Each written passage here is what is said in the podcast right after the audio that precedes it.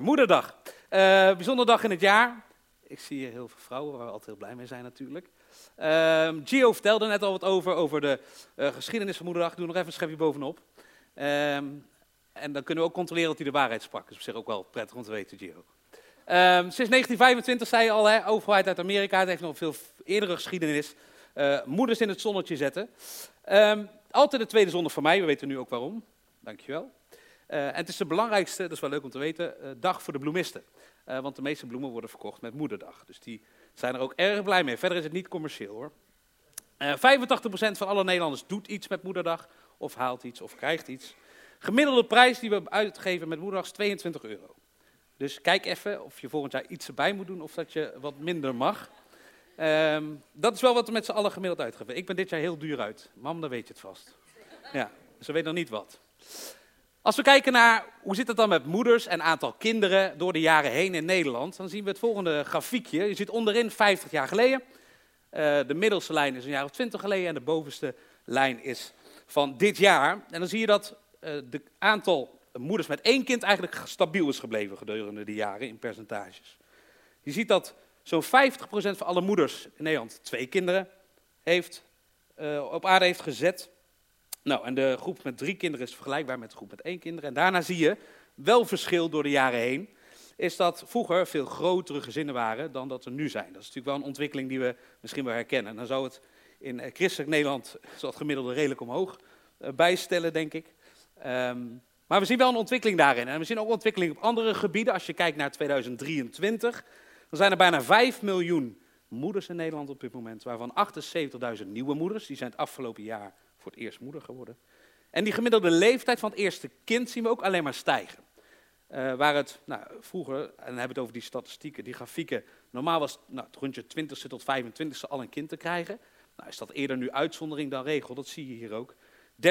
30,3 jaar gemiddeld is de vrouw op moment dat een eerste kind krijgt op dit moment. Um, dus daar verandert wat in en dat is logisch, de tijd verandert. Uh, en we gaan het vanmorgen ook hebben over een aanstaande moeder. Uh, dat doen we aan de hand van het verhaal dat jullie gekozen hebben. Uh, twee diensten geleden hadden we die Mentimeter, mochten op verhalen worden gekozen. En ik mag het verhaal van Hanna doen. Nou, voordat we het verhaal induiken van Hanna, is het goed om eerst eens te kijken naar een stukje context wat we gaan lezen. En je ziet hier een kaartje, kaartje van Israël, met er een aantal plaatsnamen. Nou, belangrijke plaatsnamen die herken je uiteraard, Bethlehem, Jeruzalem. Nou, vanmorgen staat de plekje Rama centraal en de plek Silo centraal. Vanuit Rama, dat is de woonstreek van de familie waar we het vanmorgen over gaan hebben, uh, vertrokken zij ieder jaar naar een jaarlijks feest, ieder jaar een jaarlijks feest in de plek Silo. En Silo dat was de plek waar Eli, misschien heb je die naam wel eens van gehoord, profeet Eli, uh, profeet was. En ze gingen daar een onbekend feest. We weten niet precies wat voor feest het was. Er werden wel offers gebracht. En ze gingen daar naartoe. Uh, een reis van ongeveer een kilometer of 4, 25. En dat deden ze per voet of per ezel twee dagen. Nou, kwamen er ook mensen vanuit nou, heinde en verre, alle windstreken. Dus voor hen was het relatief dichtbij. En we gaan lezen in 1 Samuel 1. Het is best wel wat lezen. Voor jullie luisteren of maar ook meelezen. Um, maar het is wel goed om even het hele verhaal in beeld te hebben. Om te kijken wat we hier vanmorgen uit kunnen halen. Dus lees met me mee. 1 Samuel, de ene is weggevallen zie ik, maar het is 1 Samuel 1 als je zelf mee wil lezen in je Bijbeltje. Elk jaar ging deze man, dan hebben we het over Elkana, kom ik zo meteen op terug, vanuit zijn woonplaats naar Silo, om zich daar voor de Heer van de hemelse machten neer te buigen en hem offers te brengen. Tjofni en Penegas, de twee zonen van Eli, waren daar priesters van de Heer. Wanneer Elkana zijn jaarlijkse offer bracht, gaf hij zijn vrouw Penina en haar zonen en dochters een stuk van het offervlees. Maar het mooiste stuk gaf hij aan Hanna, want haar had hij lief. Ook al hield de Heer haar moederschoot gesloten.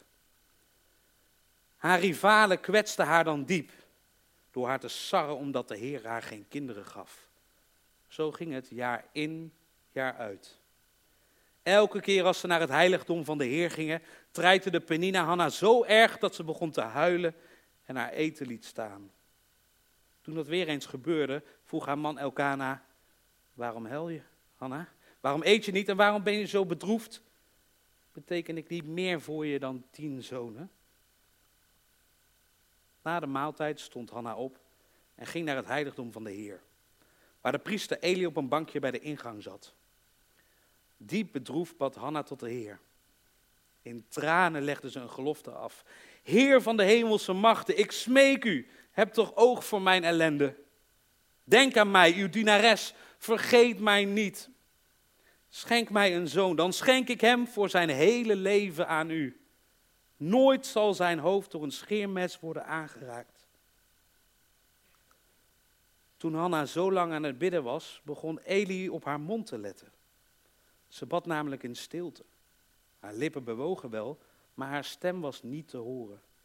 Daarom dacht Eli dat ze dronken was. Hij sprak haar aan en vroeg: Hoe lang gaat dit nog duren? Als u dronken bent, ga dan uw roes uitslapen. U vergist u, heer, antwoordde Hanna. Ik heb geen wijn of andere sterke drank gedronken. Andere drank gedronken, sorry. Nee, ik ga gebukt onder een zwaar verdriet en stort mijn hart uit bij de Heer. Denk niet dat ik een slechte vrouw ben. Ik heb zo lang gebeden omdat ik overstelpt ben door droefheid en ellende. Ga dan in vrede, antwoordde Eli. De God van Israël zal u geven waar u om hebt gevraagd. Ik dank u dat u mij zo gunstig gezind bent, zei Hanna. En ze ging terug naar haar familie. Haar gezicht was opgeklaard en ze at ook weer.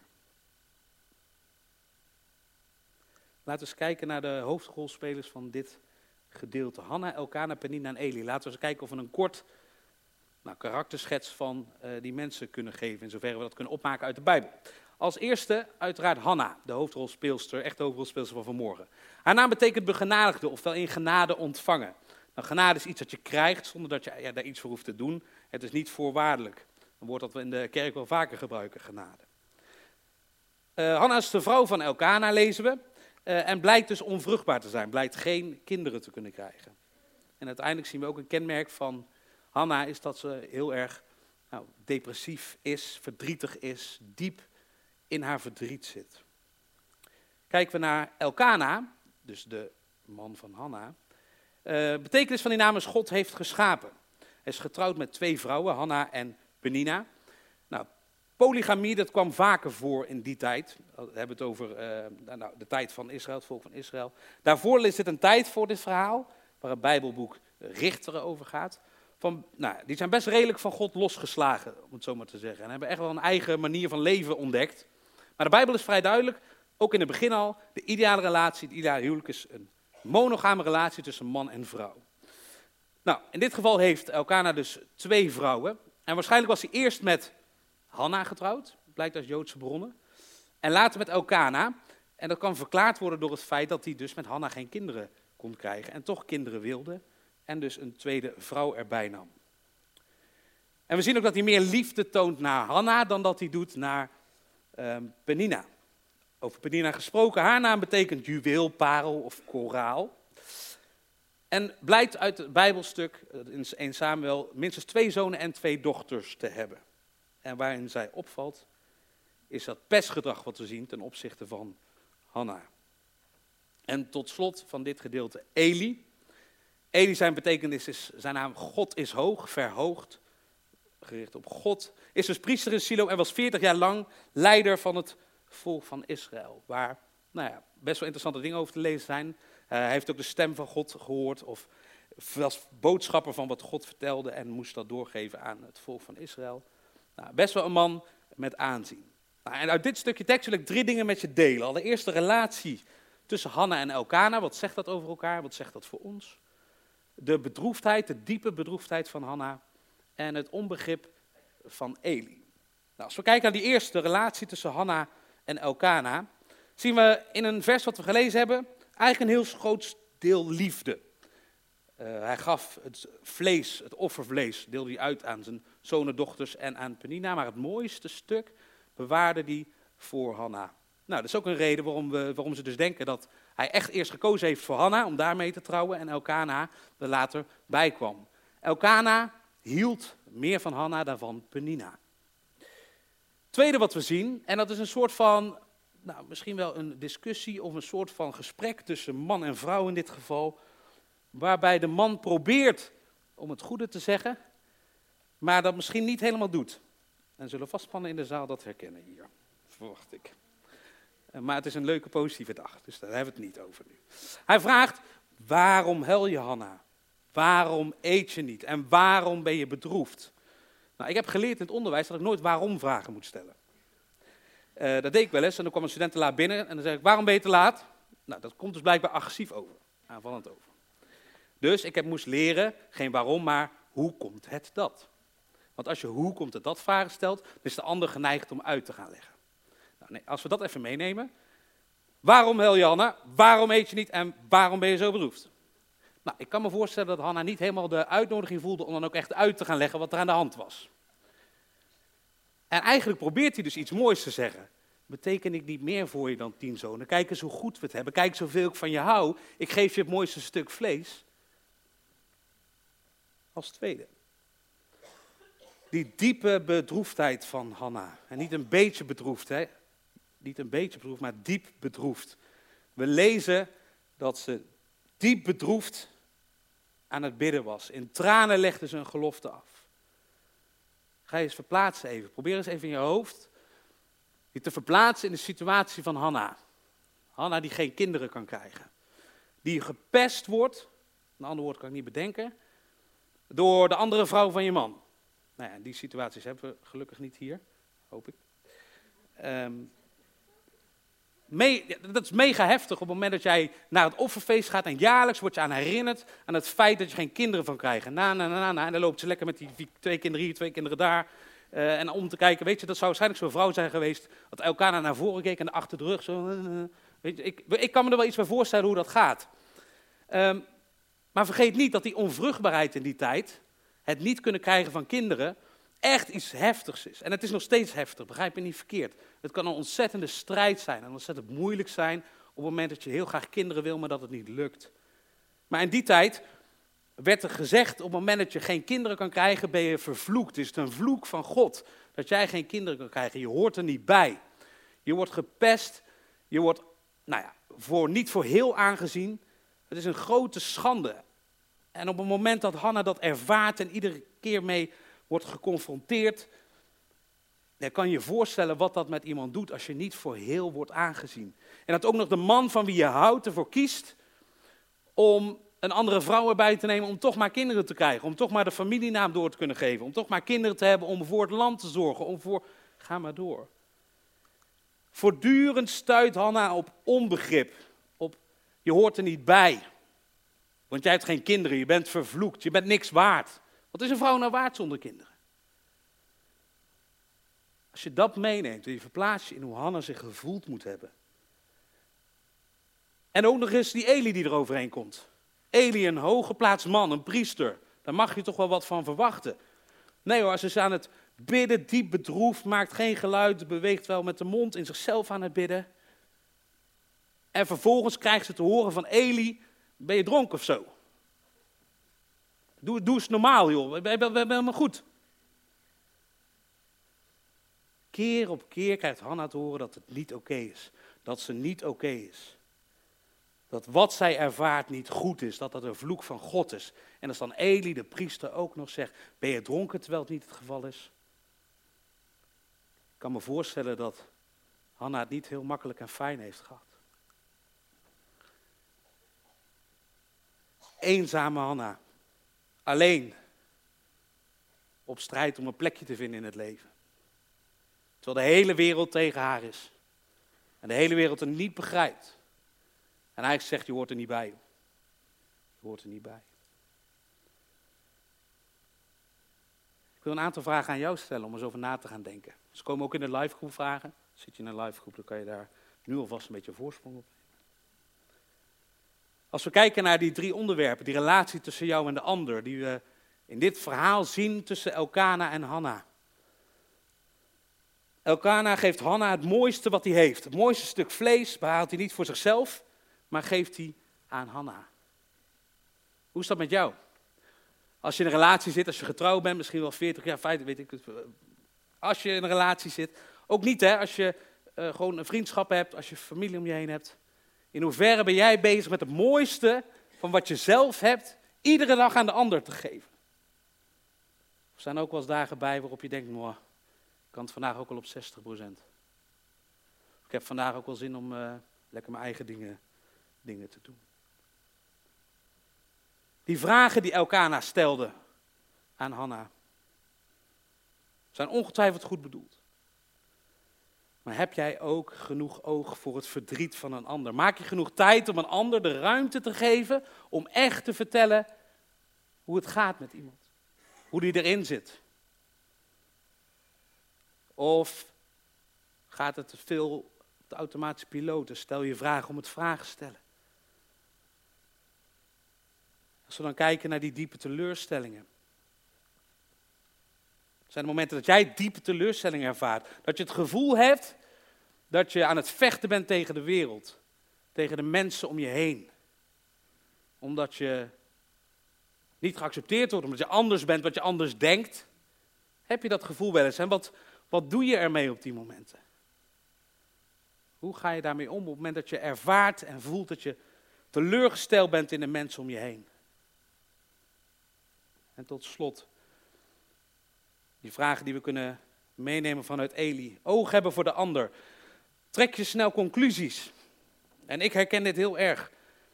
Uh, ik heb wel eens dat ik een student uh, in de les bij mij, en op, ik ben redelijk eenvoudig over het algemeen, Justin mag dat beamen straks, hij knikt ja, gelukkig. Uh, over telefoongebruik en zo vind ik niet zo heel erg. Maar op het moment dat je je telefoon ge gebruikt, op het moment dat ik wil dat je hem niet gebruikt, zeg maar, dus ik ben bezig en ik, vind het belangrijk, dus dan moet de telefoon weg. En moet je het ook niet doen. Nou, en een student pakte toch de telefoon erbij, dus ik zei, hup, telefoon weg eruit, doei, tot straks. Nou, oké. Telefoon, telefoon staat op.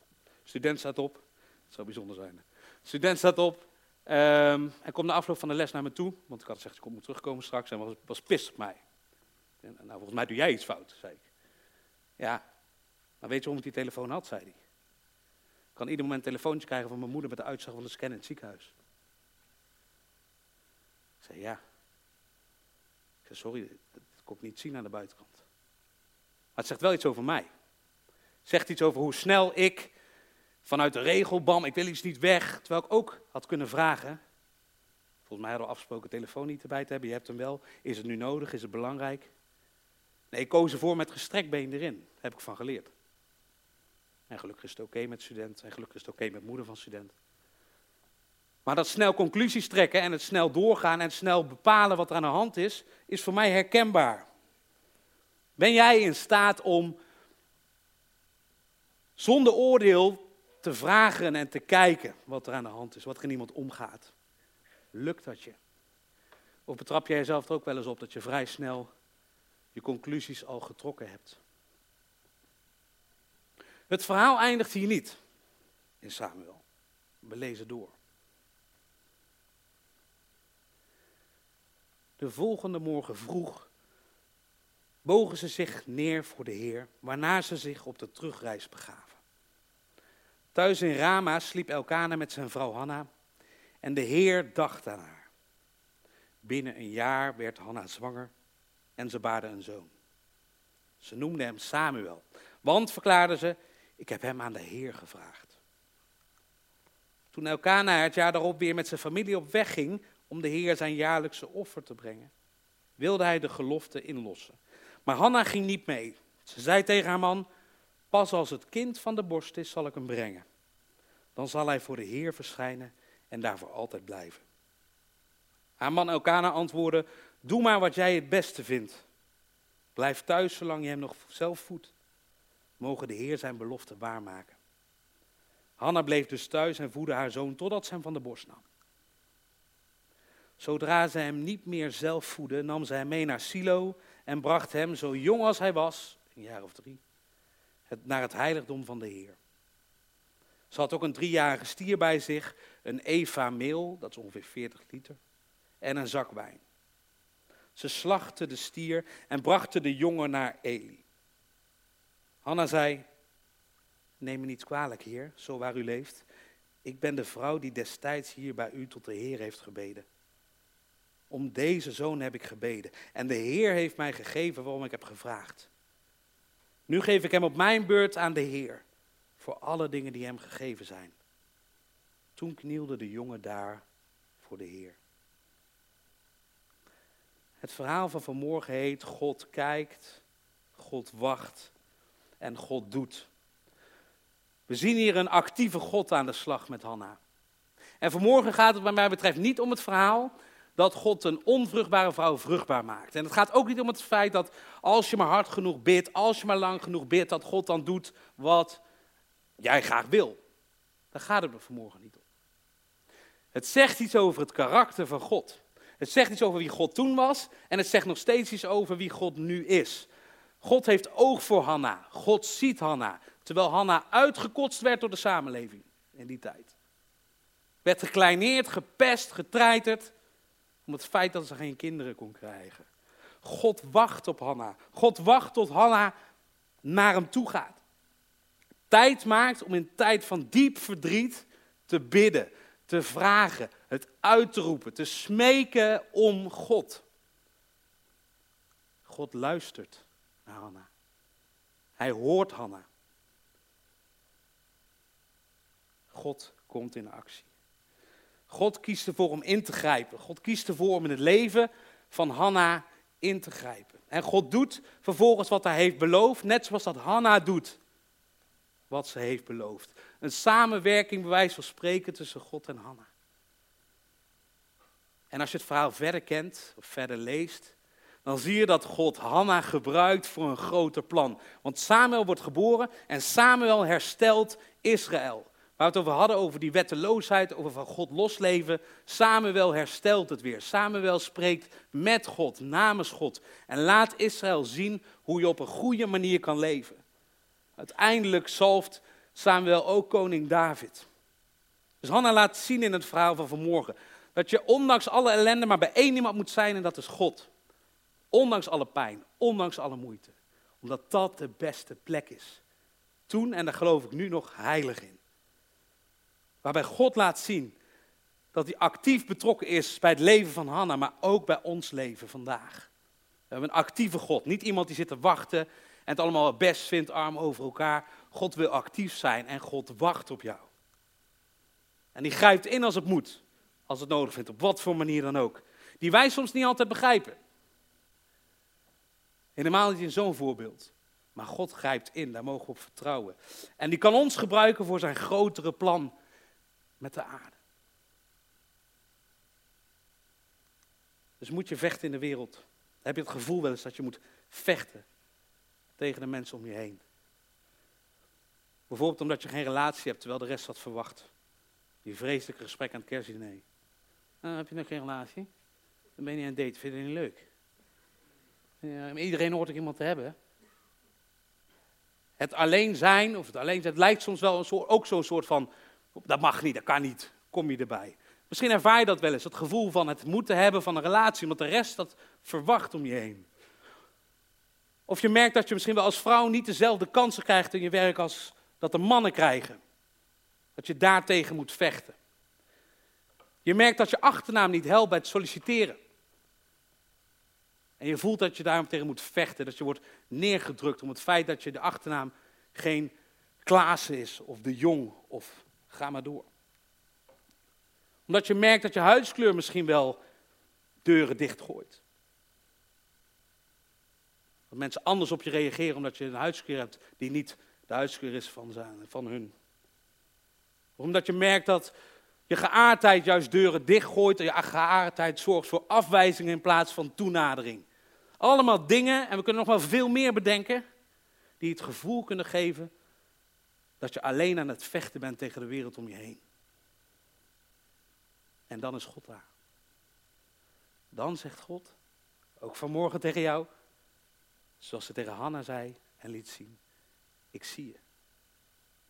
Ik hoor je. Ik begrijp je. Ik accepteer je. En sorry, ik kan mijn preek niet afsluiten voordat ik de naam Jezus laat vallen. We zongen toen straks, I speak Jesus. En in het volgende stukje uit 1 Corinthiërs, geschreven door Paulus aan de gemeente van Corinthië, die het ook even allemaal niet zo goed meer deden, die ook een beetje van een padje waren, zegt hij het volgende. En dit geldt voor jou en mij vandaag. Dit zegt iets over wie God is. Vrienden, God heeft jullie uitgekozen. Denk eens terug aan het moment dat jullie gingen geloven. Jullie waren toen geen belangrijke mensen. Jullie vielen niet op door jullie wijsheid. En jullie waren ook niet machtig of rijk. Maar God heeft juist mensen uitgekozen die in deze wereld dom of zwak genoemd worden. Zo heeft God de wijsheid en de kracht van mensen belachelijk gemaakt. God heeft mensen uitgekozen die onbelangrijk zijn en niets voorstellen en voor wie niemand respect heeft. Daarmee maakt hij een eind aan alles wat in deze wereld belangrijk is. Zo zorgt hij ervoor dat niemand trots kan zijn op zichzelf. God heeft ervoor gezorgd dat wij bij Jezus Christus horen. Dankzij Jezus Christus zijn wij nu ook wijs geworden. Wij leven nu zoals God het wil, want wij horen bij Christus. Hij heeft ons gered. En zo wordt werkelijkheid wat er in de heilige boeken staat. Er is maar één op wie wij trots mogen zijn. De Heer. Dankzij Jezus, dankzij wat Jezus heeft gedaan voor jou en mij, aan het kruis gegaan en God zij dank weer is opgestaan, hoeven we niet te strijden voor een belangrijke plek. En mogen we weten dat God je ziet, ondanks dat je het gevoel misschien wel eens hebt dat je vecht tegen iedereen om je heen. God ziet je, God houdt van je. Moederdag. Alle vrouwen, sorry mannen, krijgen we vandaag dit mee naar huis. Als aandenken, draag hem, leg hem op een mooie plek neer.